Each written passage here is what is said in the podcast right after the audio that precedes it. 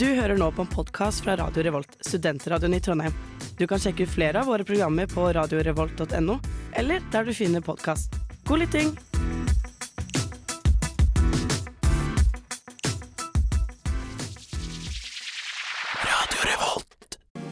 Stemningen er over 9000 i en helt ny episode av Nerdeprat, spillmagasinet på Radio Revolt.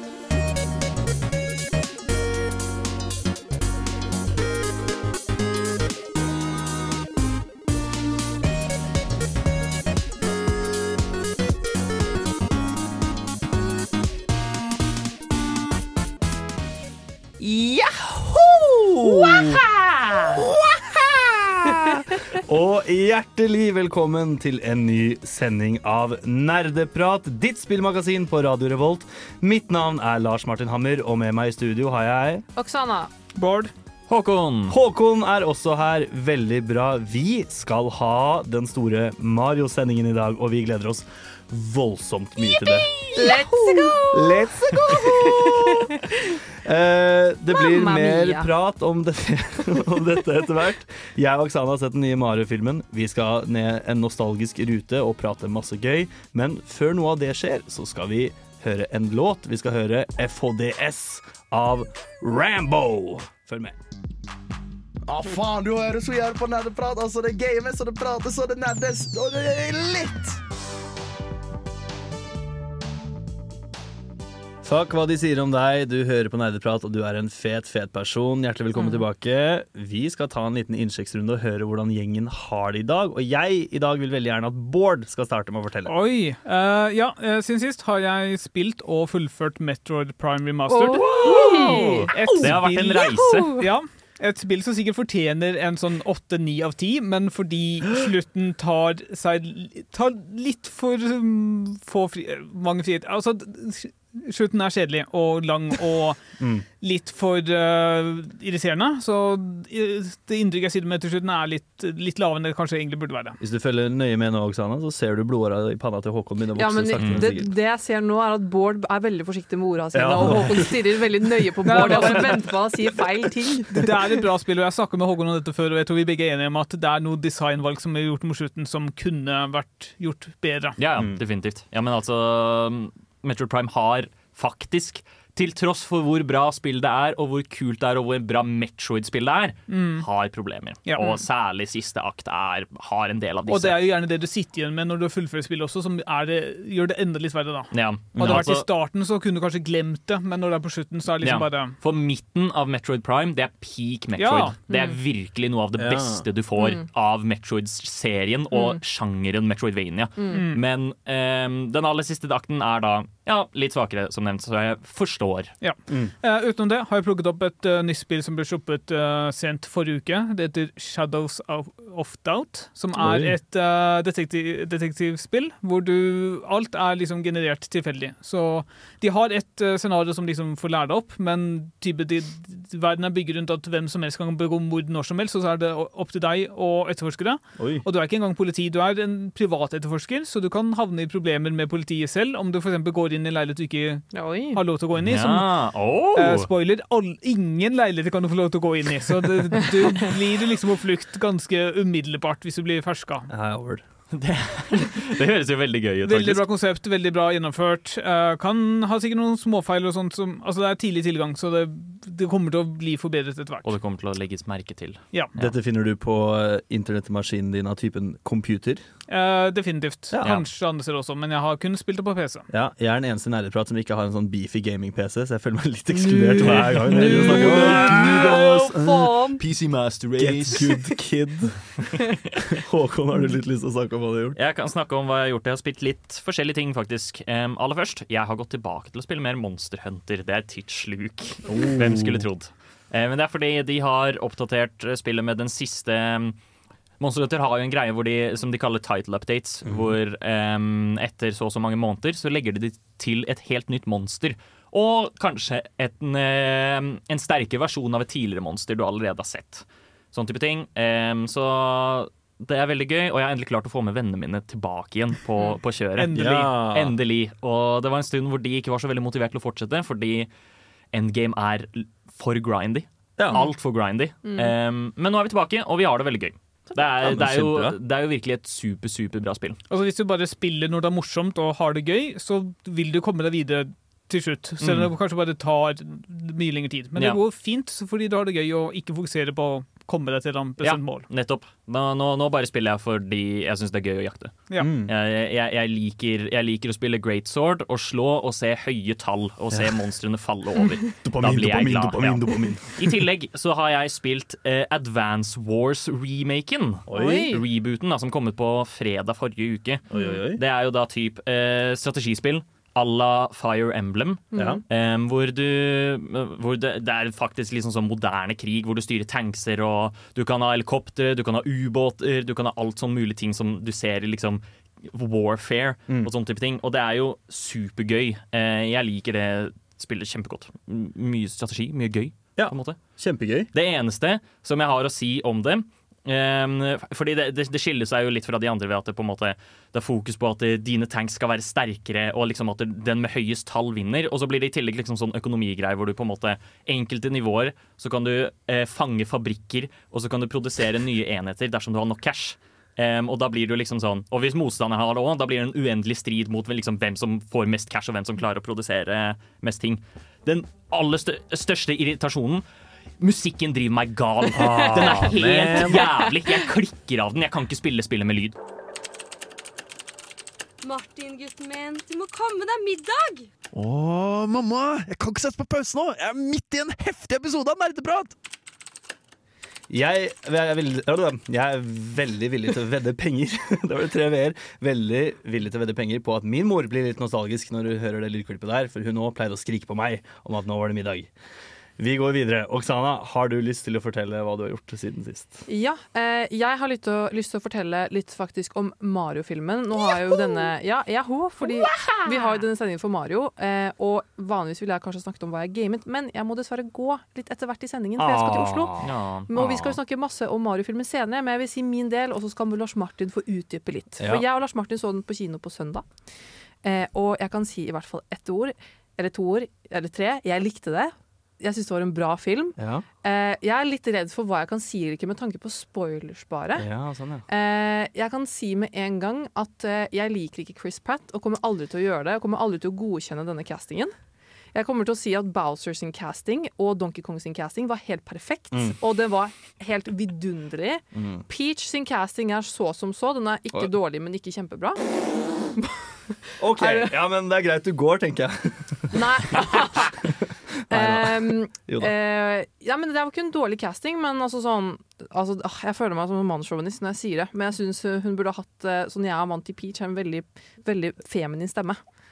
Det er så gøy. Ja, men fordi altså um, Peach sitt hovedkaraktertrekk er jo at hun er en girly girl. Ja. Uh, og det, det er på en måte det som gjør henne sjarmerende også. ja, Så jeg er òg egentlig jeg, jeg backer deg litt Ja. akkurat der at jeg syns ikke de måtte gjøre Peach en girlboss ved å Nei. ofre hennes girly girl-aspekter. ja, altså hun kunne vært en girlboss og være girly girl samtidig. Ja. Eh, og det jeg bare savnet den derre Oh, Mario! Altså Jeg savnet det, for det kan jeg si, det var ikke sånn Det er ikke sånn hun snakket i det hele Nei, tatt. det er og jeg sant. forventet det litt når hun først åpna munnen sin. Jeg har jo sett det på teaseren og sånt da Men når hun først åpna munnen sin, tenkte jeg liksom sånn Ja, OK. Ja ja. Jeg, jeg, er ikke imot, men det er liksom ikke det beste jeg kunne ha tenkt meg heller. Eh, og de tar med seg så mange kule aspekter. De tar med seg liksom alt fra liksom gamle spill til litt nyere spill. Mm. De, liksom, de kan appellere til et publikum som er på vår alder, men også på det publikummet som vi møtte i kinosalen. Ja. Som alle de treåringene vi Barn. så denne filmen med. En horde av barn. En For skokk av barn. For det kan jeg si med en gang. Kan jeg skyte en liten Ja. kommentar der? For jeg lurer på, Vi så jo det med engelsk tale. Ja. Og da lurer jeg litt på, Det var veldig små barn der, Ja. så det må ha vært noen egoistiske foreldre. Tenker jeg. Ja, ja Fordi men de altså skjønte jo ikke et puck. Men, for, men de hadde sikkert hørt at den norske dubben var så som så. ja. Eh, Kanskje. Ja. Jeg vet ikke. Eh, men det kan jeg også faktisk si med en gang, er at dette her er jo en familie- slash barnefilm. Det er jo det. Det er ikke en voksenfilm. Det er jo det man skulle forvente. Ja, altså Og- selvfølgelig. ja. Det er ikke noe man er sur over. Jeg forventer ikke bloody gore og sex, Ja. liksom. Fordi jeg syns kanskje det har vært gøyest med internettdiskursen rundt Mario-filmen. Det er jo I hvert fall på Twitter så ser du liksom 30 år gamle menn som driver og diskuterer om hvorvidt bra eller dårlig denne filmen er. Og liksom Ja. blir 30 år gamle menn som blir sure når du snakker dritt om Mario-filmen. Ja. Kalma, Ja. kalma. Eh, men generelt likte filmen veldig godt. Jeg, vi lo Vi lo masse, masse. høyt i studio. Ja, ja, i vi studio. fikk gåsehud begge to, og vi ble begge to litt gråtelabile på visse tidspunkt. Eh, som sier kanskje litt om filmen, og også litt om oss. Ja. Eh, I tillegg til det, jeg skal bare nevne kjapt at jeg fortsetter å spille Brothers. Eh, jeg vil snakke om det mer neste uke, fordi herregud, hva faen er det som har skjedd? Eh, traumatizing game, what the fuck. Oi. Oi. Eh, ja. eh, og jeg har lest Silmarillion. Takk for meg. Ja, du, du, Yes, takk, takk! du er takk, flink, Oksana. takk. Kjempebra. Eh, Fortsett med Det det. er, ikke, det er en ironisk knipsing. det. Nei! Knipsing med ironisk Ja. distanse.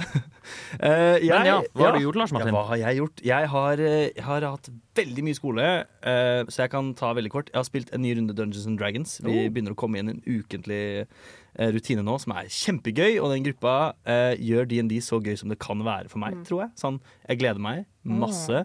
Jeg drar rett hjem fra jobb, haste-prepper sesh, og, og tar på meg mine mange ansikter og masker og veileder de gjennom dette eventyret. Og så må jeg også nevne at jeg har brukt Mario Kart i terapi. Uten For din å... egen del, eller for uh... I en terapeutisk sammenheng med en annen pasient. ja, okay. For, for jeg hadde tenkt til å si Jeg tror ikke Mario Kart er en bra måte. Og eh, personlig hadde jeg aldri brukt Mario Kart som terapi, for det er ingenting som gjør meg mer sint. Eh, det er helt riktig. Og det å måtte tape med vilje, det var litt sånn Den svelga jeg tungt, men eh, det gikk greit, altså. Jeg skal ikke vi, vi må ha en psykolog til psykologen. Ja, men eh, sånn er det. Nerdenytt. Live fra Nerdenytt-studioer i dag. Masse spennende nyheter. Vi tar det videre til vår mann i felten, Bård. Hva har du for oss i dag? Eh, nå har det nylig kommet ut, uh, ut fra Storbritannia faktisk. Uh, for de som ikke vet, uh, Microsoft har jo et ønske om å kjøpe opp Activision Blizzard King. Eh, og nå er det et eller annet organ som heter CMA, ikke spør meg hva det heter, fordi jeg er ikke så kjent i britiske greier, som har blokkert det. Men jeg tror ingen av dere klarer å gjette hvorfor det er blokkert. Eh, korrupsjon. eh, antimonopolisering. Jo, men innenfor hvilket område? Å ja. Mm. Eh, Er det liksom eksklusivitet i sine egne konsoller? Er det for å bare få for mye markedsandel på liksom for mye markedsandel. Nå merker jeg at jeg har ett nevron i hodet, og det vil ikke jobbe med meg. det, jeg, jeg, det må da være noe helt latterlig, siden du, du, du Ja, påpeker dette. Uh, nei, fordi uh, det er for å beskytte innovasjon og valgfrihet innenfor cloud gaming. Oi! OK. Eh, Ja. Noen som skulle ønske at Google Stadia tok av litt. Eh, Ja, det, det er det som er så merkelig, fordi ja, Google Stadio, som er liksom en tjeneste som nettopp ikke nettopp engang, det er jo en liten stund siden la ned. Mm. Uh, og nå, er det liksom, nå mener de selv at nei, vi må, vi må beskytte Vi må beskytte cloud gamingen, fordi det, det var jo så viktig. Det, det er viktig. fremtiden. Ingen brukte det. Men altså, jeg, jeg tror det kan Altså, jeg, jeg, jeg har ikke lest hele beslutningen, jeg har ikke kommet så langt. Det gir jo litt mening, fordi uh, Håkon, du har snakket om du er PlayStation pluss no et eller annet yeah. medlemskap. Og det, det er jo en fordel med det, og jeg har jo sett at visse folk bruker f.eks. GeForce Now, som er liksom en Vidas tilsvarende ting på det. Ja. Men det er fortsatt veldig merkelig at det er liksom det som skal komme ut. Eh, det er ikke noe Det betyr jo ikke at det nødvendigvis er stoppet på fulltid, men i hvert fall dette organet i, USA, eh, i um, Storbritannia ønsker nå å i hvert fall sette en stopper for det, og så må vel de bare si hvorfor det går fint, eller legge en plan for hvilke endringer de skal gjøre for at det skal kunne gå gjennom likevel. Det er kjempemerkelig. Jeg lurer på hvilken lobbyvirksomhet som har vært i spill her.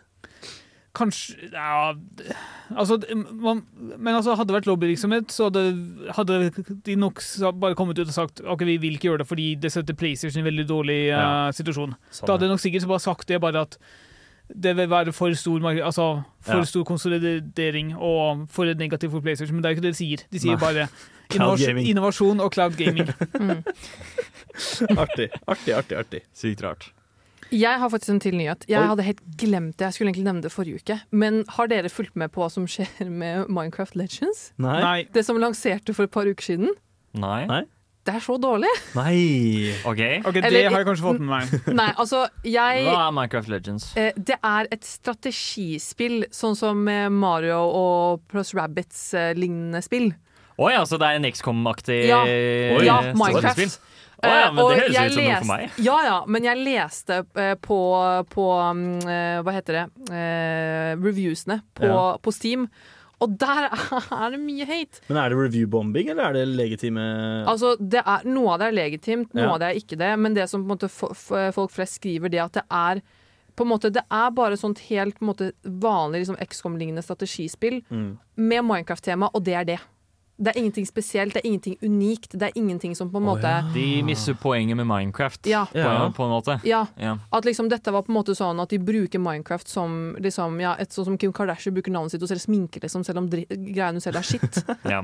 Skjønner du? At det er liksom samme opplegg. Og jeg var jo egentlig kjempegira for Minecraft Legends, og så så jeg det, og så så jeg bare her blandede tilbakemeldinger. Mm, la meg gå og se, og så var jeg sånn Oi, shit, altså. Så så jeg faktisk på en sånn lang YouTube-video av en fyr som anmelder det, Ja, eh, og det fikk mye, mye hate, altså. uff da. Og det, jeg var faktisk så skuffa òg, for det de har laget. Det er leit. Mm, Synd, trist, leit. Ja.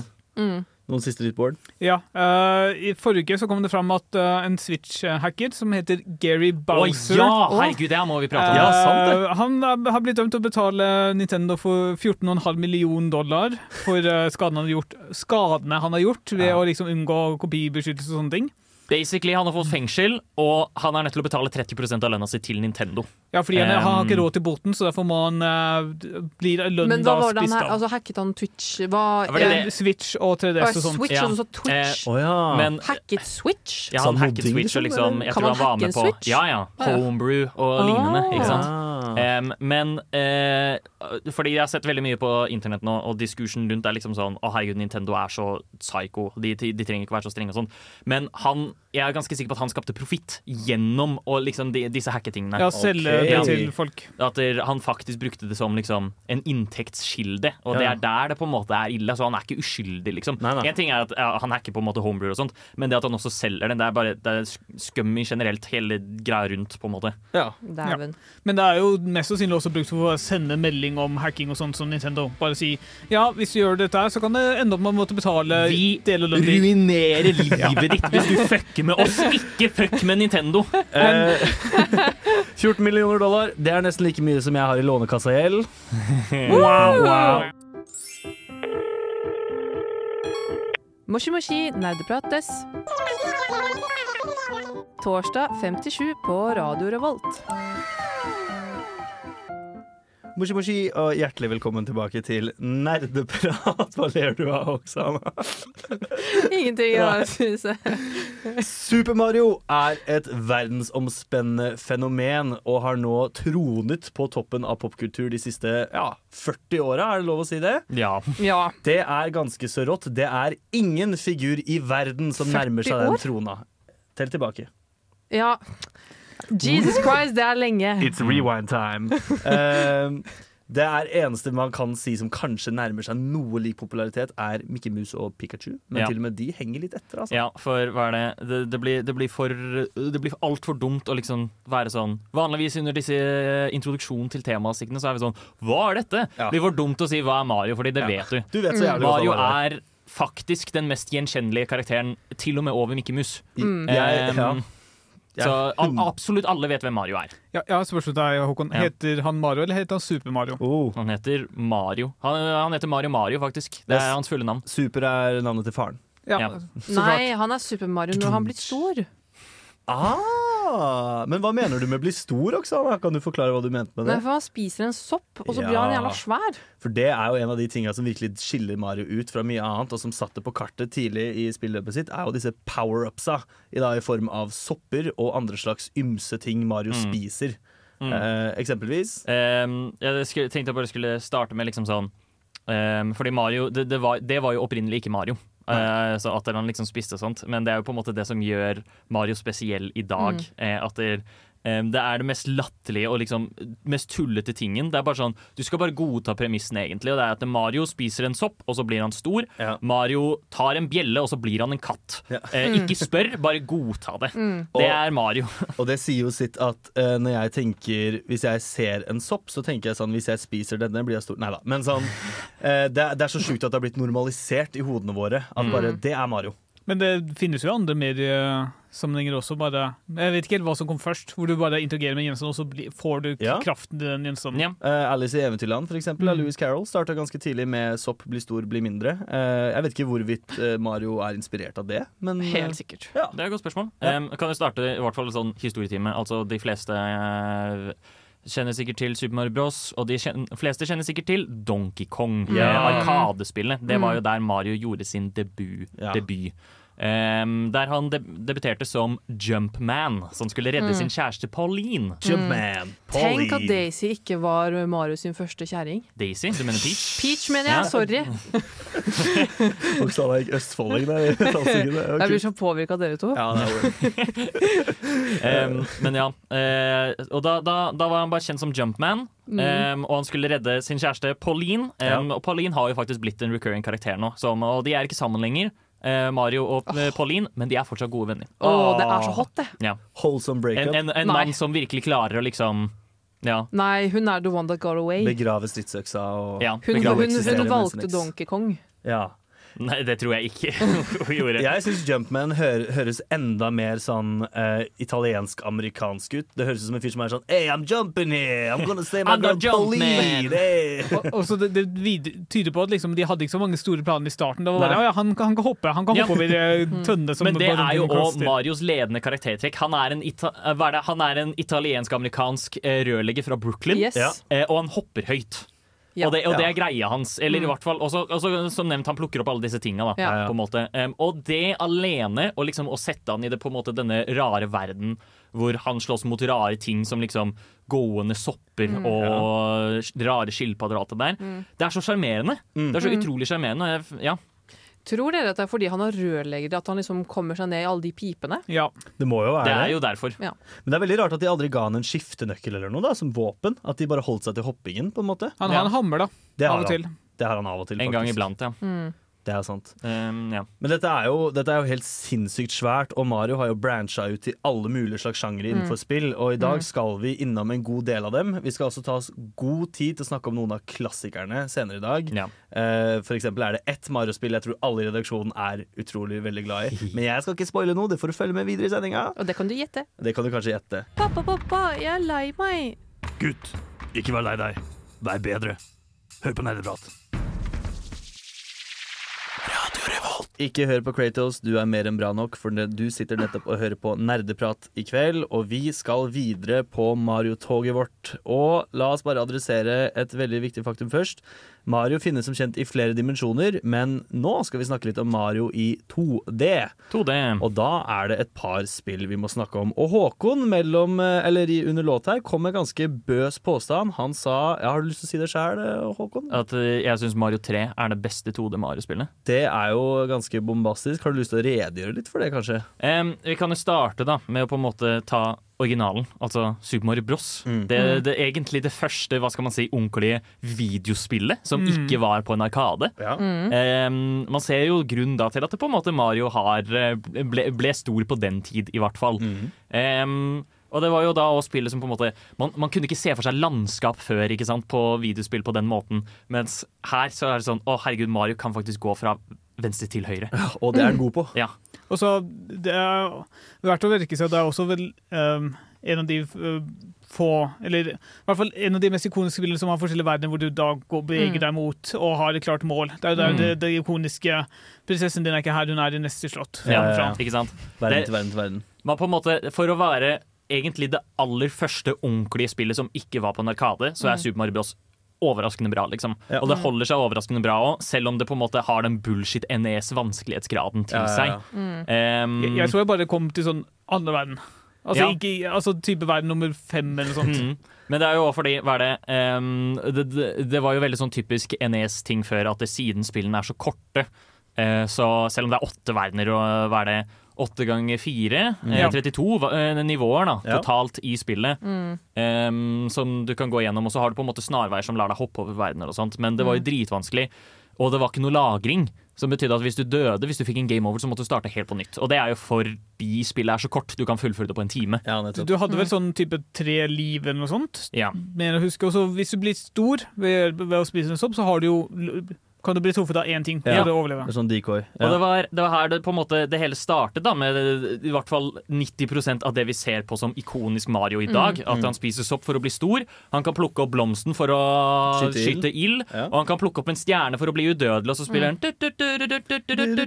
lyden. Ja. Det er supermange ikoniske ting som startet her allerede ved det første spillet. Og så kjempe mot Copa på slutten av hver verden. Ja. og Stemmer, også eh, de skjellene, de uh, mursteinene som du må ødelegge for å komme deg videre. Ja, ikke sant? Question mark blocks. Ja. Og alt kommer herfra, på en måte. Venstre til høyre, wacky grafikk og masse kule power-ups. Et solid fundament.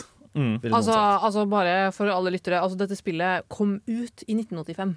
Ja. Bare sånn for reference. At hvor bra det var for sin tid òg, må understrekes. Og Ja. nyskapende, ikke minst. Mm. Ja. Em, og da er det Og da, ikke sant, Mario Bros. Definitivt. Det satte standarden, på en måte. Mario 3 perfeksjonerte den. Det er så bra. Helt Ja. enig. Ja, det er bra. Mario 3, her kommer de virkelig liksom med sånn Først av alt, det er på en måte du kan Du, du får et slags overworld-kart eh, til hver eneste verden. Hvor du kan velge hvilken bane, og du kan liksom på en måte gå egentlig den retningen du vil av og til. Enkelte baner må du ta, på en måte, men du kan også gå hvilken retning du vil. Det interesserer også masse oppgraderinger. Du kunne bli, Istedenfor kun skyte flammer, så kunne det nå bli en type en ekornlignende ting. Eller du kan få den hammeren som Ja. du kunne slå med. Eh, det er japansk mytologisk vesen som kalles tanuki. Tanuki! Altså, det er en rød panda. Ja. Basically. Men du ser jo logikken her. ikke sant? Du, det er noen som sitter i et boardroom her og tenker OK, vi hadde disse power-upene, hva om vi ganger de med tre og Ja, gjør de mye mer fantastiske? Fordi det, det var på en måte sånn De tok, de det tok konseptet, fundamentet fra Mario Bros Og bare var sånn OK, eh, tanuki-drakt, eh, froskedrakt Ja. eh, Alt mulig skitt er her, liksom. Og i tillegg så jeg, tror, jeg er ganske sikker på at de gjemte mange flere hemmeligheter i eh, Mario 3. For eksempel, hva er det Husker allerede de første banene og sånt. Hvis du plukker opp en sånn tanuki-drakt, så kan du fly opp i skyene. og Hvis du Ja. Og så er det noen mynter som leder nøyaktig riktig vei for at du kommer til et hemmelig nivå. Det kultiverer gaming-nysgjerrighet, og det er kjempebra. Ja. Det, er, det er vi gamere til Ja. skal. Um, og en annen ting òg, som jeg mener liksom skinner veldig sterkt hos uh, Mario 3, og som jeg føler liksom ble en ting, i hvert fall eh, hos de neste 2D Mario-spillene, sånn som Mario World, er at de kjører heller veldig mange flere nivåer enn fire, og hvert nivå er short and sweet. Oh. Du kan fullføre basically hvert eneste nivå hvis du er rask nok på ett minutt. Det er helt fantastisk. Som på en måte, Det skaper en helt utrolig pacing, og i hvert fall eh, kjempegodt level design generelt. Det er på en måte, det er, og det, det er det som i min mening hever Mario over alle andre. En ting er på en måte kreativiteten og det gøye med liksom power-ups og sånt, men level designet er unmatched. Helt unmatched. Venstre til høyre, sopper som gjør deg stor. Ja, ganske enkelt, men det funker. Vi liker det. Ikke sant? Vi liker det godt. I am not a king, I am not a god, I am. Nerdeprat på Radio Revolt. Ja, nerdeprat på Radio Revolt. Før vi druser videre, så har vi rett og slett redaksjonen har en liten eh, slags opplysning å komme med. Ja. Eh, Håkon? Det er, vi, vi nevnte jo faktisk ikke Mario 2 eh, i, eh, før låt i det hele tatt. Um, og, og, og jeg skal forklare det nå, veldig veldig kjapt. Det er fordi Mario 2 ikke er et ekte Mario-spill. Eh, Mario 2 er et reskinna spill som egentlig heter Doki Doki Panic. Ja. Og kommer da fra altså det, det het originalt det i Japan, og så når det ble lansert i Vesten, så var det heller Mario 2. Og med reskinna så betyr det bare en, en ny, et nytt strøk maling, rett og slett. Ja. Um, men sånn som altså Doki Doki Panic var jo også debuten til f.eks. Birdo um, Ja. som karakter og slikt, og, men har blitt da kjent som en Mario-fiende pga. av at Mario 2 var Doki Doki Panic i Vesten. Um, og det, er, det fungerer helt fundamentelt annerledes ved at du liksom istedenfor å på en måte plukke opp ting og liksom skyte flammer eller bli stor eller hva det er, så, så løper du heller rundt. Du har på en måte en livbar på sida, og så plukker du opp eh, turnips, og du plukker opp fiender. Og det er hele mekanikken, at du liksom hopper på ting, og så plukker du de opp, og så kan du kaste de. Ikke så mye mer avansert enn å hoppe på de, men Nei. eh, Eh, ja. men sånn, for eksempel, Måten du slåss mot Birdo på, er at hun skyter egg ut av munnen sin, og så skal du hoppe på egget, plukke det opp og kaste det tilbake på det gir Ja. veldig Det er, det er et bra spill, men det fungerer helt annerledes enn alle de andre. Ja, absolutt. Mm. Vi skal videre. I herrens år 1996 hadde vi styrt Mario fra venstre til høyre en god stund, men da var det på tide å ta han inn i tre dimensjoner. Vi snakker selvsagt om det legendariske spillet Mario 64 på Nintendo 64. En tittel som gir ganske mange frysninger på veldig mange deler av kroppen min akkurat nå. Eh, kort fortalt, dette er jo da eh, en kar vi er vant til å ha i to dimensjoner, som nå kan bevege seg opp, bort til sida og fram. Og han kan hoppe på vegger, han kan sprette av veggene. og han skal redde en prinsesse som er fanga. Dette her er ganske sjukt. folkens. Mm. Ja. Mm. Mario 64 eh, mener jeg er eh, liksom sånn tatt bort ifra alle mine favorittspill. Det beste spillet som finnes. Ja. Helt Og, enig. og det sjuke er at det er jo ikke en hot take. Nei. Det er veldig mange rangeringer og lister der ute som er Mm. helt kliss enig i det. Men det er, eh, det er så mye med det spillet som jeg bare absolutt forguder og elsker. Jeg føler liksom Det å kontrollere Mario eh, jeg pleier, Min skildring av det Det er som tusen små firfisler som bare kysser deg på fingertuppene. Fordi det er så sykt gøy og deilig å, å, å kontrollere Mario. Fordi han, han gjør akkurat sånn som du vil, føler jeg, da. Ja, han er ja. helt på lag. Helt på lag. Og bare den derre utforskingen du kan gjøre med han. Og bare sånn, Hvordan kan jeg hoppe? Hvordan kan jeg bevege meg? Hvordan kan jeg løpe? Hva kan jeg sprette av? Mm. Hvordan kan jeg mestre dette? liksom? Og det er og i tillegg òg level-designet. Det er på en måte sånn En ting er å på en måte strekke Mario ut til tre dimensjoner og la han bevege seg rundt, og sånt men da blir det jo også noe helt annet når du på en måte skal lage nivåer. Ja. Men hvert eneste nivå føles liksom ut som sin helt egen greie. Føles så unikt ut. Og de er som, de er som bitte små lekeplasser for, for spilleren å på en måte leke rundt og kose seg med Mario sin sykt nice movement. Altså, ikke bare er de designa bra, men de har også veldig mye Altså de fleksibilitet som du ikke så tidligere. Du har en verden hvor for eksempel vannstanden i verden er basert på hvor høyt du hopper inn i verden. verden. Du har en annen verden som er liksom, hvor du har tre innganger, hvor det, baserer, hvor det sier noe hvor stor du er i forhold til verdenen. Mm. Alt mulig sånn som bare er så utrolig godt laget. Ja. Ja, veldig gjennomtenkt. Ja. Eh, ikke bare det, men eh, lydbildet også er jo helt fantastisk. Altså Bare tenk på den eh, musikken du hører, og ikke minst det Mario sier. Ja. For det er jo der vi starter med mye av det! Ja. som vi kjenner så Det godt i der er der Charles Martinet kommer med sin ikoniske Mario-rolle. Ja, nettopp. nettopp. Eller Mm.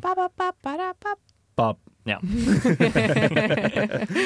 Jeg har kanskje én altså det, Jeg innså det først nå, fordi Sumo 64 har type tre oppgraderinger du kan få, og de må låses opp etter hvert i spillet. Og det er kanskje, etter min mening, litt lite. Det er jo kanskje til og med færre enn i Mario Bros 3. Ja, ja, ja, det er veldig mange færre enn i Mario 3. Ja. Um, men det er også fordi det, det er et spill som fokuserer veldig mye mer på Mario. Og liksom base Mario, og hvordan han fungerer. Um, og uh, en siste ting jeg må også må bare si om nivåene, som jeg bare syns er så perfekt og så sykt kult. Og, liksom, og som skiller Mario 64 ut fra veldig mange andre, det er at du blir plassert i denne verden, og så har du liksom sånn oppdrag. Og det gir deg på en måte hint i hvilken retning du skal. Men hvilke stjerner du tar, bestemmer du helt selv. Og det er kult! Det Du, er du bestemmer Av fri vilje. Ja, det er sånn, altså, Du kan starte på første oppdrag. Eh, altså Boboms Battlefield, som du starter på. Det første oppdraget involverer at du drar til toppen av fjellet og Ja. liksom slåss mot King Bobom. Ja. Men du kan, hvis du vil, ta den sjette stjerna, som er å befri Chain-chompen, som er i kjetting Ja. rett Ja. ved inngangen, på en måte. ja, ikke sant. Og da får du også en stjerne. Og det er Mm. bare sånn, Du gjør det akkurat sånn som du vil. Du gjør det hvilken rekkefølge du vil, og det, du får så mye frihet Mm. som spiller. Det, er, det er genialt. Absolutt. Den friheten nå skulle jo bli veldig sånn eh, definerende for, eh, for akkurat det spillet, og noe vi ofte tenker på. eh, I hvert fall jeg tenker på når jeg tenker på Mario 64. Det her med at å, å, å liksom ramle over en stjerne, da. Mm. Og bare være sånn Oi, Mm. OK! Nå tok jeg åtte røde mynter, da fikk jeg en stjerne. Ja, ja. mm.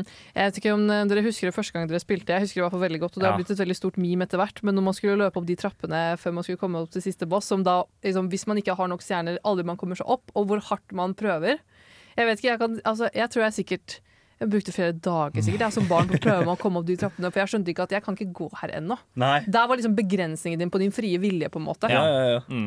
Gir de ikke spillere beskjed du trenger så så mange stjerner? Ja, jeg kunne sikkert ikke Jo, lese. får- Engelsk! Ja. Engelsk! Men same. Jeg, Jeg kunne sikkert ikke lese. Løper nedover evigvarende korridorer og Eh, bare Jeg kan fortsatt ikke lese, faktisk. Nei, ikke heller. Mm. Og de pingvinene er bare så jævla søte. Jeg har en tatovert på beinet. Um, ja. Men nå bare sånn, altså det spesifikt er jo også veldig veldig nice, Mm. fordi um, det, det at det, Når du kommer til sist sted, da, den uendelig lange trappa, så sier spillet til deg du må få 70 stjerner. Hvilke stjerner du velger å få, det bestemmer du helt selv. Det, er så, gen, det er så genialt! Fri vilje er ekte. Ja, det er bare, åh, nei. Kaste dere babypingvinen Ja. ut av banen? Jeg skulle akkurat si det. Jeg har gjort det flere ganger. Faen! Ja. Som barn og voksen. Mm. Hey, yo, DJ MacLeod Banks. Du er på Nerdeprat. Baku! Baka indeed. Vi skal videre på Mario-turen vår. Det Mario 64 gjorde så sykt bra, det tenkte Nintendo at jøss, dette må vi gjøre mer av. Og så lagde de en bøtte med ulike tredimensjonelle Mario-spill. Det var jo også på en måte rundt en tid der alle 3D-plattformer eksklusivt var det vi kaller collectathon-spill. Mm. Um, som bare handler om OK, du skal samle jævlig mange ting.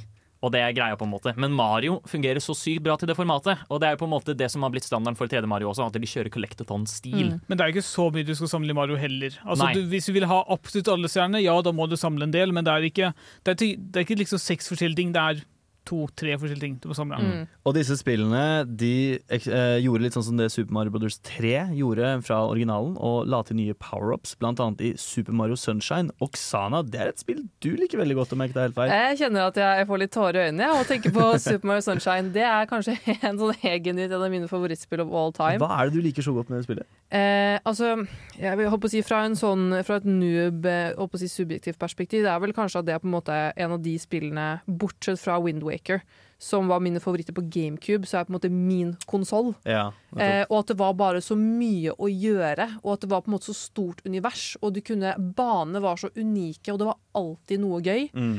Eh, og var på en måte bare de aspektene av at liksom sånn Mario får denne liksom vannkanonen som da liksom er, altså har dialog, som skal da eh, ta denne poser-Marioen da, som da eh, maler du, skal liksom, du skal liksom rydde opp hele byen, og så skal du redde folk. Og så Peach er jo Hun blir jo kidnappet i starten, ja, men hun kommer vel tilbake. Altså det er bare det er bare så originalt. Og det var bare, bare egentlig tror jeg at hjernen min som tiåring var litt sånn Dette er så enormt. Det er et spill som klarer å holde seg overraskende frisk for at alle verdenene er vannverdener. Ja. Um, og, og, og at det liksom Selv du, Mario, er jo vann. Du har en høytrykksspyler Ja. ja. som du også er en jetpack, og som også er en jetmotor, og som bare Ja, alt mulig rart. Men jeg syns at det at den måte er i en sånn der, liksom, sydensetting, er helt fantastisk. Jeg elsker det! Fordi jeg får så g- Jeg husker for når, når som du nevner at jeg får så jævlig sydenfølelse, eller fikk så jævlig sydenfølelse, når jeg spilte det. For det var bare beach vibes every day. Ja, det er good vibes only Super Mario Sunshine.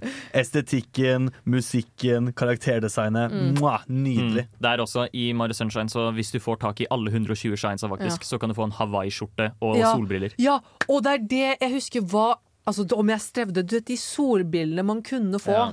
Hvor lenge jeg strevde etter å få disse solbrillene, hvor kult det var. Eller redde han der ene fyren som har stranda på den øde øya. Ah. Jeg husker han som barn Jeg var sånn Jeg tenkte ofte på han at det, jeg, må, jeg må forte meg, for han kommer til å dø. Uff. Jeg mener Mario Sunshine har sine problemer. Ja. Um, enkelte leveler er bare fullstendig bullshit og urettferdig. Um, og det er ikke et problem Mario lider av ofte, men Nei. i Sunshine så er det det. Den der fuckings Lillipad-nivået, hvor Ja. med en gang du rører vannet, så bare dør du instantly. Ja. Helt jævlig. Og så er det den mest, mest ergerlige prosessen å komme seg til det. Mm. Men Mario Sunshine er også helt fuckings amazing, fordi det er så sykt gøy å kontrollere Mario. Igjen. Mm. Ja. Det er noe de alltid nailer. Jeg tror det Super Mario Sunshine led av at det ble kommet på GameCube, en konsoll som var litt mindre populær enn både Nintendo 64 og Mm. Wii. Det kan være, absolutt. Fordi jeg spilte aldri Sunshine. Jeg spilte Sunshine litt på sånn type en Elkjøp eller noe sånt. Da det var uh, mulig å teste det ut. Men jeg hadde jo aldri GameCube selv, så jeg fikk aldri spilt Sunshine sånn ordentlig. Nå du- Nå åpna du en sånn minnedør i hodet mitt når du sa det å spille på, på Elkjøp, for det gjorde jeg mye av. Men jeg er helt enig, Bård. Jeg hadde akkurat den samme greia. Jeg hadde noen familievenner som hadde GameCube. Vi var ikke en Nintendo-husholdning hos meg i det hele tatt. Så det var liksom så, alle disse Mario-minnene jeg har, er sånne der små, korte glimps av eufori, hvor jeg bare er sånn dette er det beste. Mm. Mamma, kan vi kjøpe GameCube? Nei! OK, den er god. Jeg går på rommet mitt. Sorry. Eh, for å gå videre òg, fordi altså Uh, vi, vi har jo andre 3D Mario-spill òg, som Ja. bare er liksom mind-blowing Ja. i hvor bra de er. Ja. Mario Galaxy. ja, herregud. Mwah. Eh, grine og igjen. der er det på en måte sånn Der vil jeg nesten si at de setter litt mer sånn Nesten litt mer restrictions Ja. eh, Mm. på hvordan Mario kan bevege seg i forhold til Mario Sunshine og Mario Galaxy. Går litt tilbake til basics. Men eh, det som skiller Mario Galaxy, og det her mener jeg er liksom en av de største tingene som hever Mario over alle andre, i tillegg til at det, fordi det er to ting som er viktig i plattformene. Det er at der, uh, karakteren må kontrolleres bra, Ja. og, og, og du må liksom komme i nye gøye scenarioer hele Ja, tiden. på en måte Em, Og eh, Mario Sunshine, Mario eh, 64 og sånt eh, det, det viser på en måte hvor deilig og gøy det er å kontrollere Mario. Mm. Mens Mario Galaxy er sånn de kaster idé etter idé Mm. etter idé på spilleren. Hvor det er sånn, du, gjør, du er konstant inne i situasjoner hvor du gjør konstant nye ting. Veldig. Og det er bare sånn, du, du får så mye input, og det er sånn før du i det hele tatt har rukket å prosessere Ja. hva du har vært gjennom, så kaster spillet en ny idé på deg. Ja. Ja. Og det er veldig gøy det der med at ja, Mario beveger seg sånn som Mario beveger seg, men hva om tyngdekraften? Ja. Ja, men det er så kult. En en annen ting eh, jeg tror de gjorde først med Super Mario Galaxy, er at de tillot for to spillere. Ja. Det at den ene spilleren Spiller en pointer. Du bare pekte på skjermen, og så samla du en ting. Men hvis, du, men hvis du pekte på Mario og trykka A, så kunne du få Mario til å hoppe som P2. Å Ja. nei! Eh, så det var eh, muligheter for å fucke hverandre Ja, over det er der også. Rom for sabotasje, ass. Herregud. Jeg vil, bare, jeg vil bare skyte inn at da jeg spilte Super Mario Galaxy, så var jeg helt overbevist på at uh, Rosalia, sier jeg det riktig? Husker jeg det riktig? Rosalina. Rosalina og Mario hadde en affære. De hadde en love story i Ja, mitt med alle disse kjærlighetsnarrativene i mitt uskyldige Mario-spill, Oksana. La han være i fred. I'm a girl girl, oh my god. Ja. Girl, girl. Um, det siste bare jeg har lyst til å trekke fram der, jeg skal bare nevne det kort. Um, men jeg mener da liksom disse tingene vi har snakket om, det hele liksom går opp, bygger seg opp til Mario Odyssey. Ja. Ja. Um, hvor uh, jeg, jeg mener det er et av de absolutt gøyeste spillene å kontrollere Mario i. For han får så mye liksom, gøy han kan gjøre med Cappy og alt det der. Han får uendelig mange power-ups ved at han liksom kan fange fiender og kontrollere fiender. Men også at det, liksom, de bruker disse fiendene til så mange forskjellige gøye ting. De kon kaster konstant nye ting på deg, og det er liksom hver verden er en lekeplass. Det er bare sånn det tar absolutt det beste fra hvert eneste Mario-spill.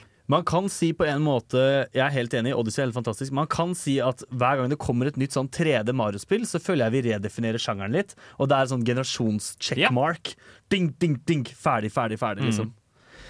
Åh, veldig bra. Nå har for, Å, herregud, ass. Ja, det er sånn eh, Etter jeg hadde spilt Mario Odyssey, Ja. så gikk eh, det spillet jeg så mest fram til, fra Mario Odyssey til Mario Odyssey 2. Ja, nettopp Fordi det.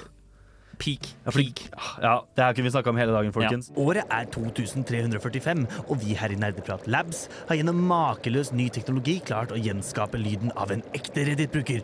Hør her. Eh, uff da. Ja ja. Ja. Vi har greie på mye rart, vi. Vi har greie på spill, og vi skal fortsette å snakke litt om spill. Og temaet vi skal innom nå, det er Ja, vi har brukt en del tid på å snakke på om disse 3D eh, men eh, Nintendo tok et valg om å gå litt tilbake til det todimensjonelle. I hvert fall Ja. på de håndholdte konsollene sine. Mm. Det er altså snakk om New Super Mario Brothers. Yahoo! New Soup. New Soup. Er ikke det bare Summa Bros, men mulig for flerspiller? Som kommer til sånn Vi eller et eller annet dritt? Jo, men eh, det er også Altså Wow! annet Dritt. Bård er Bård har en Altså, jeg- jeg bare- stor flaske Haterade. Nei, altså jeg, bare, jeg husker at det var så ubetydelig. Jeg bare så en skjerm, og det var Å ja, nå kan fire stykker spille Summa Bros sammen. Og med noen flere power og sånne ting, men hvorfor? Ja, det var New Super Mario Bros. Wii da, okay. um, som startet uh, der. Men eh, det, ja, poenget var rett og slett bare Nå hadde Mario rula 3D-markedet en liten stund, og de tenkte um, at de, de ville gå tilbake til der de startet, ikke sant? Okay. Så de, og, og, det er jo ikke bare, og det er jo ikke bare Mario Bros. reskin. Da. Det er jo sin helt egen spillserie som fungerer på sin helt egen måte med helt unikt level design. Ja. Som ikke kan sammenlignes med de andre spillene. Og som på en måte ja, har også helt nye power-ups, som for eksempel det første New Super Mario Bros. til DS hadde jo liksom dette blå skallet, som var helt ubrukelig, men jeg likte veldig godt å bruke det. Men, men er spillene noe bra? Ja! Ja. Um, og her er på en måte greia med New Soup, det er at de er helt kompetente spill.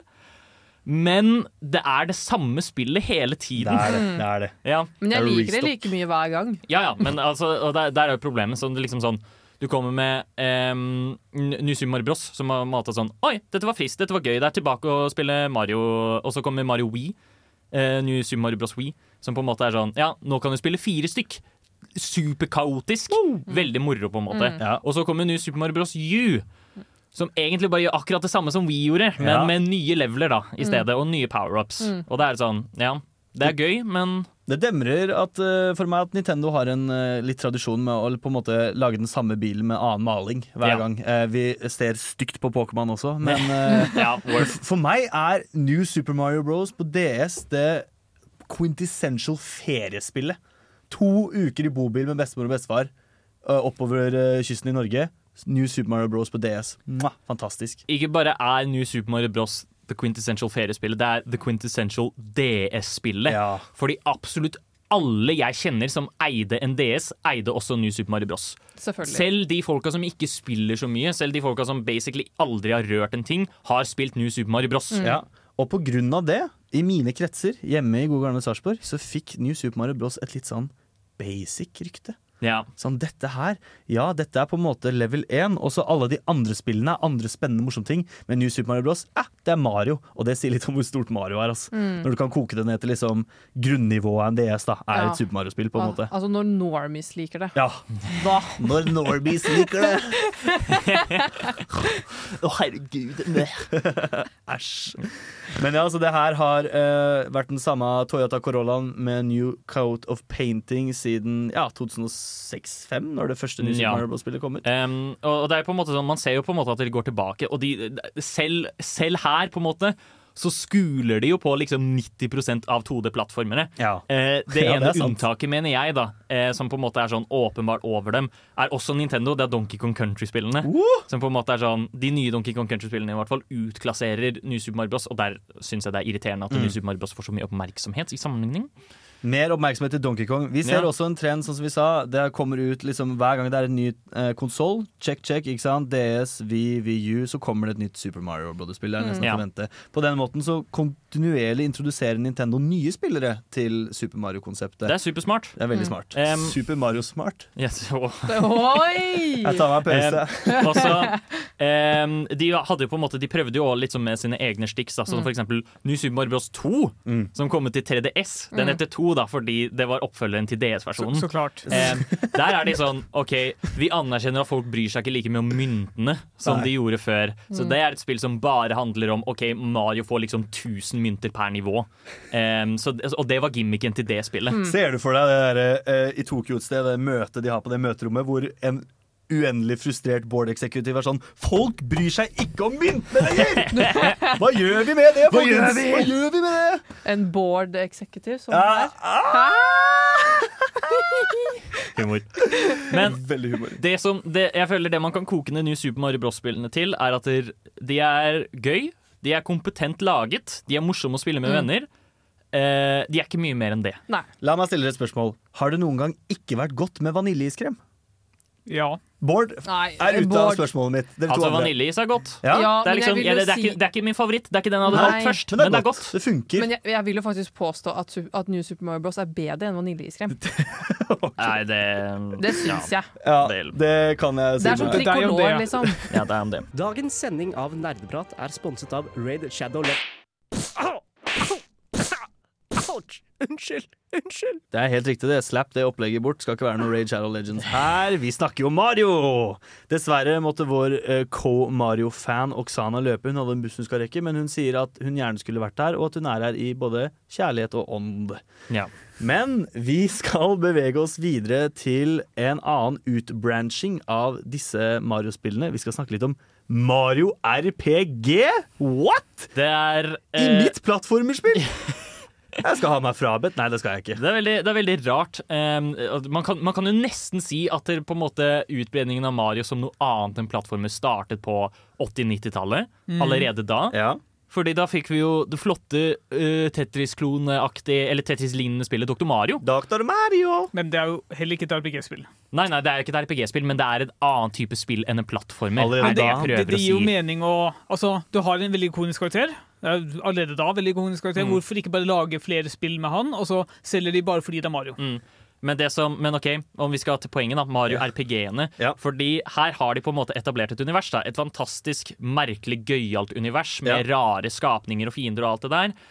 Um, og da er de sånn La oss bruke de karakterene. Ja! Derav lager de Paper Mario. Når var det det kom ut? ut? Paper Mario kom ut i 2001. Oi, var det, så, var det første? Det, det er et av de aller siste spillene som kom ut til Nintendo 64. Um, og er da altså Det er på en måte en, et spill som er fortalt som en historiebok. Derav er alt laget av papir. Ja. Um, men det er også et turbasert rollespill em, som på en måte ja, du spiller Mario, og så skal du redde prinsessen fra Bowser, som har fått seg uh, det som kalles The Star Rod, The Star em, som gjør han udødelig. Og så har du vel forskjellige angrep eller gjenstander du bruker underveis. Ja, du har uh, Marius' klassiske hoppeangrep. Ja. Um, og der, og det, som, det som gjør eh, Paper Mario til en så sykt bra turbasert RPG, er at hvis du trykker på knappen idet du treffer med hoppet, så gjør du med ekstra skade. Så det er, oh så det er turbasert RPG som faktisk krever interaksjon. Det er ikke sånn, altså Hvis du ser på Final Fantasy, for Ta eksempel, deg en bolle Final Fantasy. ja, hvis du ser på Final Fantasy, så trykker du på handlingen, sier eh, Cloud skal gjøre dette her, så gjør han det. Og du trenger ikke å gjøre noe annet enn det. på en måte. Nei. Mens her så er du faktisk engasjert gjennom hele kampen. Jeg syns det er helt fantastisk. Jeg, jeg liker veldig godt det her med at uh, gjennom Mario-spillene så får du litt sånn passivt presentert alle disse kooky, rare karakterene og disse merkelige områdene, og så er det bare sånn fuck it, det her skal vi få til å gi mening. Og vi skal skrive gode karakterer, for skrivinga i, eller i Paper Mario-spillene er faktisk veldig bra. Det er sykt morsomt, Ja. og det er så gøy, liksom. Og, det er, eh, og særlig da Paper Mario Thousand Year Door. Ja. Der, det, det er på en måte Det blir sett på som det beste uh, Mario RPG-spillet.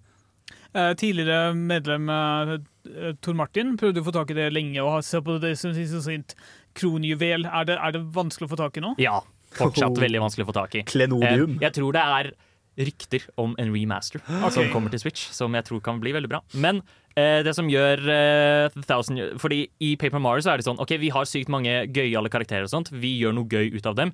Thousand Year Door så er de sånn Nå lager vi en helt original verden.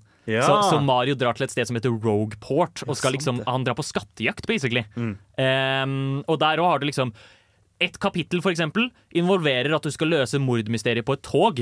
En annen involverer at du skal liksom drive med sånn bryting eh, og liksom prøve å komme deg opp til toppen for å vinne the championship belt. Fantastisk. Sånn type ting. Det er sykt gøyalt og liksom variert hva man gjør i de spillene. Og så testament til Marius popularitet at disse også er veldig populære. Det er ganske interessant, fordi Mm. RPG-sjangeren tradisjonelt er jo til og med innafor gaming litt rann nisje. Altså, du skal være spesielt interessert hvis du liker RPG-er, tenker jeg.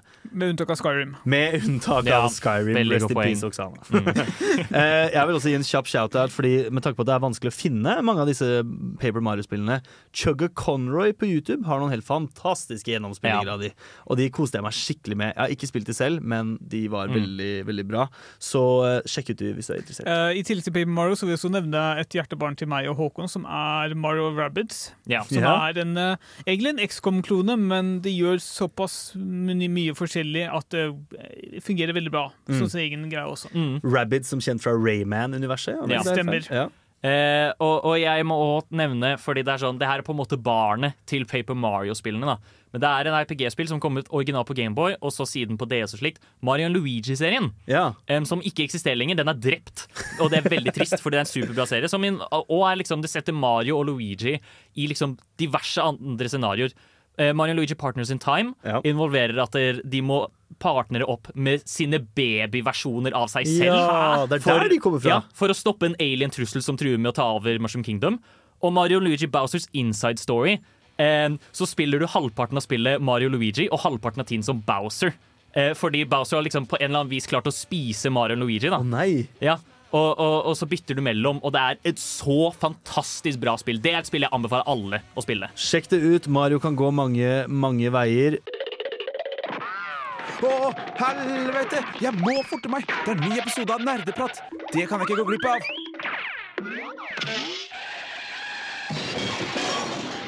Og slapp helt av, kjære lytter, for hvis du hører stemmen min akkurat nå, så har du ikke gått glipp av Nerdeprat, og du er fortsatt med oss på vår elleville Mario-reise.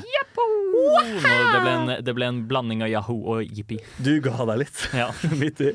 Eh, Mario er jo som Starbucks.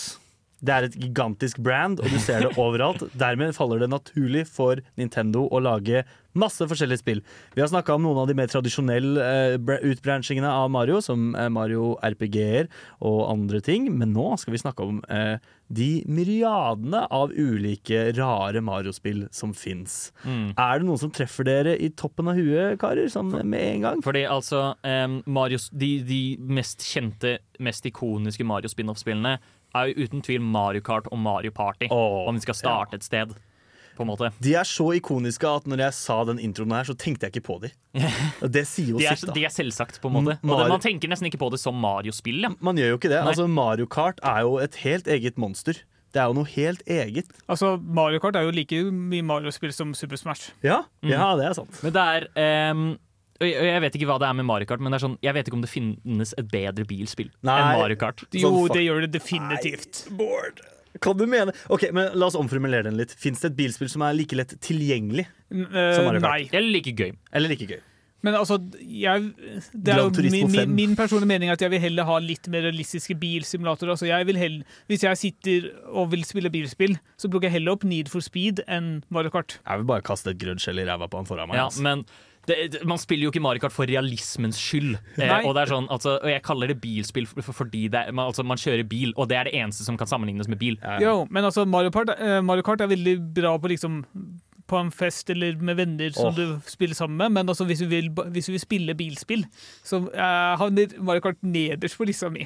Wow! Hot takes i studio i dag, folkens. Følg med. Bård våkna opp og valgte vold i dag. Samme av det. Jeg vil poengtere at i studentmiljøet her i byen og i andre byer så er det klassiske Berio-kart ganske populært, hvis noen har hørt om det. Eller også kalt Don't Drink and Drive. Men, men igjen, det er når du spiller med folk og spiller for å ha det moro, ikke fordi du vil spille bilspill. Men det er gøy, Bård! Det er Ja, ja det, er, det, det er gøy- fortsatt gøy å spille, Ja. men hvis jeg har, har lyst på bilspill Ja. Altså, eh, Mario, Mario, Jeg vet ikke hva, hva jeg skal kategorisere Mario Kart som, men det er, det er liksom det som transcenderer bilspill. Det er festspill. Det er festspill. Det er sant. Du sier det som om Mario Kart ikke har heftig mechanics. Har du noen gang drifta i Mario Kart, Bård? Ja. Har du Ja, noen gang drifta Ja, i Mario. Kart? Ja, Har du noen gang gjort en eneste snarvei? ja. Bård, har du noen gang kasta et blått skjell på noen? Ja, jeg har, ja, fordi jeg ligger veldig lang, ofte veldig langt bak, så så klart får jeg de blå skjellene. Der, det er der det ligger, der fant vi det. Mm. Bård suger i Mario Kart. Det er derfor han ikke liker det så godt.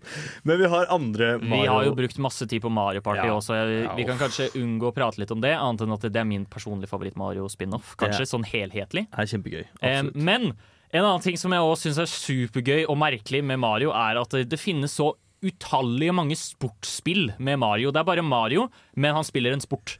Mario og- spiller tennis. Mario spiller golf. Mario spiller Fotball. vannpolo. Ja, eller fotball. Ja. Jeg, jeg hadde jo en teori en periode hvor uh, at Nintendo skulle gjennomføre alle Mario-sportsspillene på Switch, bare for å liksom melke kuen totalt. Og alle de de har gjennomført, har jo nærmest floppa totalt. Ja. Men tingen er jo at mange av disse, i hvert fall eh, de gamle spillene der de startet, på en måte, sånn Mario Power Tennis, Ja. er en av de absolutt gøyeste, Ja, mest festlige sportsspillene jeg har spilt noensinne. Kjempegøy. Fordi der er det jo sånn altså, det, er, det er tennis. Man spiller tennis. Utrolig enkle kontrolls å beherske, Mm. men også at det, hver eneste karakter har på en måte liksom en fantastisk egenskap til seg. på en måte Sånn, sånn at det, eh, Ja, hva er det? Mario kan liksom gjøre om racketen sin til en gigantisk hammer og bare liksom Ja. mæke til den ballen. Så den fyker, og så Ja. Det er det fantastiske elementet som Nintendo er så god på å skvise ut. Uh, ja, han hopper, men han blir stor. ikke sant? Det er jo det bare overført i tennis, I Mm. guess. Ja. Eh, Mario Golf fikk også veldig god kritikk. eh, I hvert fall de, de første. Folk lengta etter at Mario Golf skulle komme tilbake, og så var det ikke Dette, Ja. dette også var sånn smart eh, marketing-scheme av Nintendo, for dette her kom jo litt i sånn kjølvannet og i takt med Wii Sports og alt det her. Altså, Ja. Det var jo kjempepopulært. Det var jo, du kunne ikke dra hjem til en kamerat uten at de flikka fram Wien og var sånn Skal vi spille bowling, eller? Ja. eh, også eh, må nevne Jeg nevner hver gang, men Mario Strikers. Ja. Det er tidenes beste fotballspill. Det er litt- Fordi det er sånn eh, det, det, det er basically sånn Ok, Hva om du spilte fotball på liksom en minibane, og det er absolutt ingen regler for hvordan du spiller spillet? Hvilken konsoll er det til? Mario Strikers, det beste er til Wii, Ja. og det er det. Og så har Mario Strikers Battle League kommet nå, som ikke er like bra. Ah, Men, eh, og det er veldig trist, for jeg hadde ventet veldig lenge på det spillet. Men det er så latterlig bra. Grunnen, mener jeg, til at det liksom Det er så mange Mario sportsspill, og hvorfor de fungerer, er fordi vi har allerede etablert at Mario er liksom så sykt fantastisk, så merkelig, så rart. Ja. Og da er det bare sånn de, de drar på en måte det som gjør Mario, inn i sporten. Det er en vanlig sport, men det blir så rart og annerledes og fantastisk. det er helt, helt nydelig. Mitt navn er Bare Egil. Du hører på radio Revolt på internettmaskinen din. Du er på internettmaskinen din og hører på Radio Revolt. Om du hører på noen andre program på Radio Revolt, eksempelvis Filmofil fra forrige uke, så ville du høre forferdelig grusom propaganda.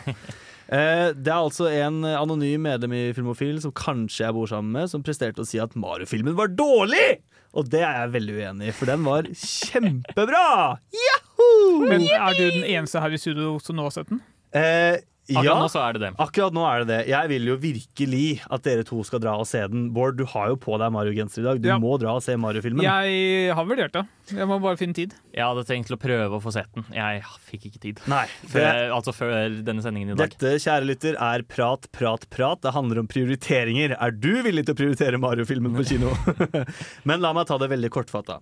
Det er en barnefilm. Den er kjempeenkel. Den finner ikke opp hjulet på nytt. Men karakterene og eh, verdensbygginga Og musikken er bare så utrolig fantastisk. Mm. Ting gir så mening. Er plottet fra typiske Mario-spill, eller har de klart å senke litt mer kreativt enn som så? Det er på en måte Mario Origins, ville jeg sagt. I det at um, det er hvordan Mario blir transportert inn til The Mushroom Kingdom, okay. og hvordan han møter de kjente karakterene våre. på en måte Um, ja, jeg forsto det slik som at det, er, det er et spill Nei, en film, mener jeg. Som ta, er på en måte utrolig surface level i handlingen og karakterene sine. Men på en måte substansen kommer i eh, alle referansene og hvor kjærlig den er mot selve spillserien. Absolutt. Det er det jeg har forstått om denne filmen. Altså, Mario har jo det enkleste plottet noensinne, så det, det var kanskje, hadde kanskje vært med en fordel å ikke ha det samme plottet. Mm. Det er litt det. Eh, Den er syntesisert til å treffe både Die Hard-fans og unger. For det er jo det den skal Ja. treffe, ikke sant? Jeg syns det er interessant å tenke på det på den måten, fordi liksom det Mario-filmen har, mener jeg er det Sonic-filmen mangler. Ja. Men det, Sonic, det, det Mario-filmen mangler, er jo faktisk det Sonic-filmen har. Ja, det er litt artig, det. At da, det på en måte det mangler litt mer sånn karakterskildringer og på en måte eh, karakter, uh, scener som på en måte bygger på f.eks. altså Sonic og bla, bla, bla. Men eh, det verste med Sonic-filmen er jo at den er satt i, liksom, i virkelig verden, og ikke Sonic sitt univers. Ja, Så det på en måte alt som gjør Sonic sjarmerende og gøy, er bare borte fra den filmen. Det er kjempemerkelig. Det, her, det det koker ned til, da, som jeg tror er veldig sånn breaking point for mange, er hvorvidt du liker Illumination-animasjonsstilen, altså de som har lagd Despicable Me osv. Jeg er personlig veldig fan av den. Ikke noe fan av Minions, men jeg liker måten de har humor på. Og så er det veldig viktig sånn, liker du den humoren, for den er det en del av.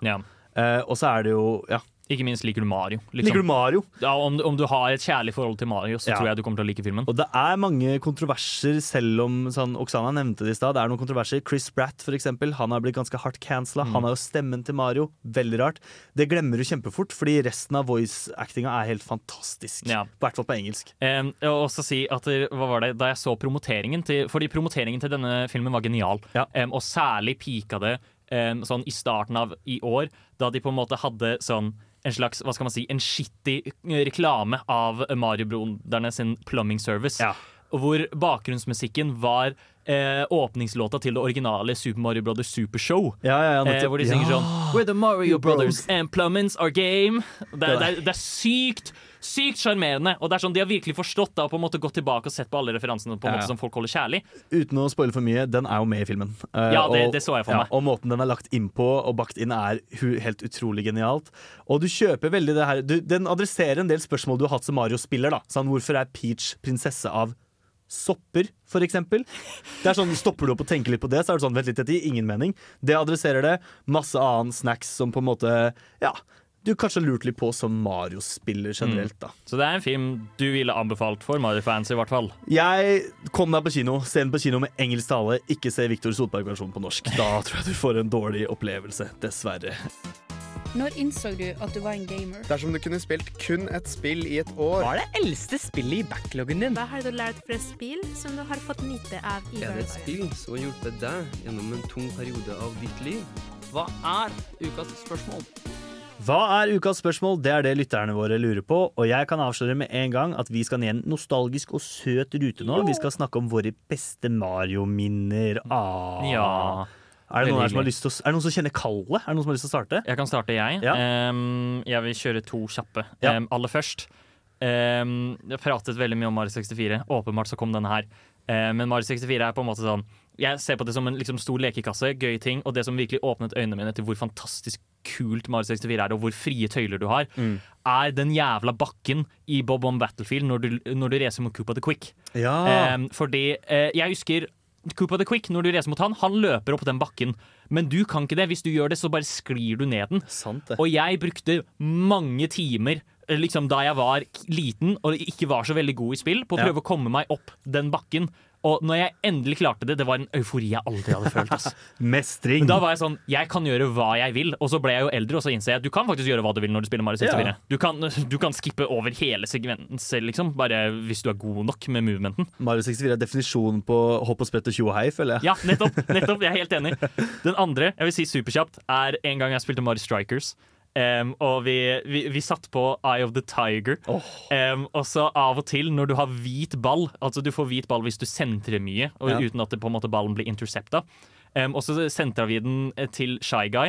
Uh, vi, vi, gjorde, vi, liksom, vi gjorde en høypasning, og Ja. så hoppa han for å ta en ollie. Og så gikk spillet i slow motion akkurat på drop, droppet til Eye of the Tiger, og så skårte vi.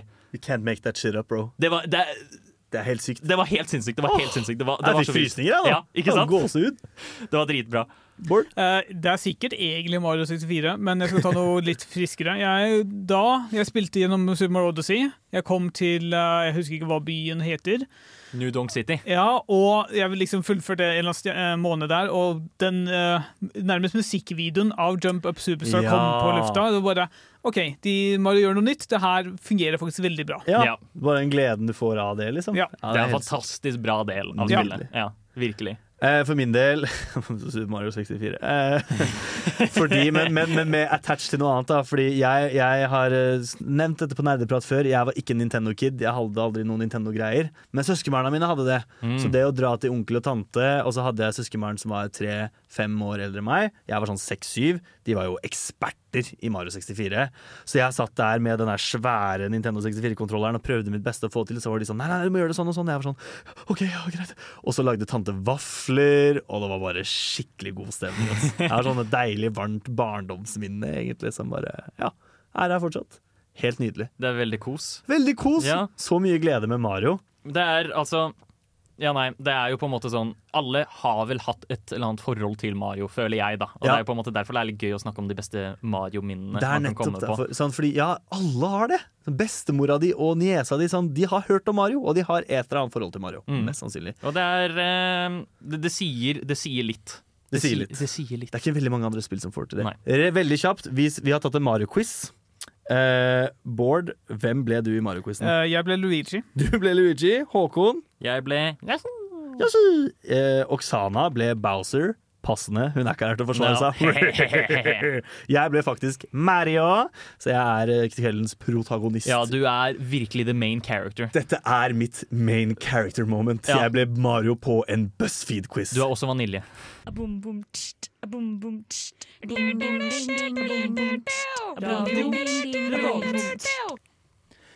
Kveldens sending nærmer seg slutten, dessverre. Men karer, vi har hatt det gøy. Vi har snakka om Mario, som er noe av våre favorittspill i verden. Jeg tror altså Nei, det er det ikke. Eh, Men jeg hadde tenkt å si at det var min favorittserie av videospill. Men det er definitivt liksom kanskje den, den beste sånn all around. Ja. Det er Mm. virkelig nesten bare tiere.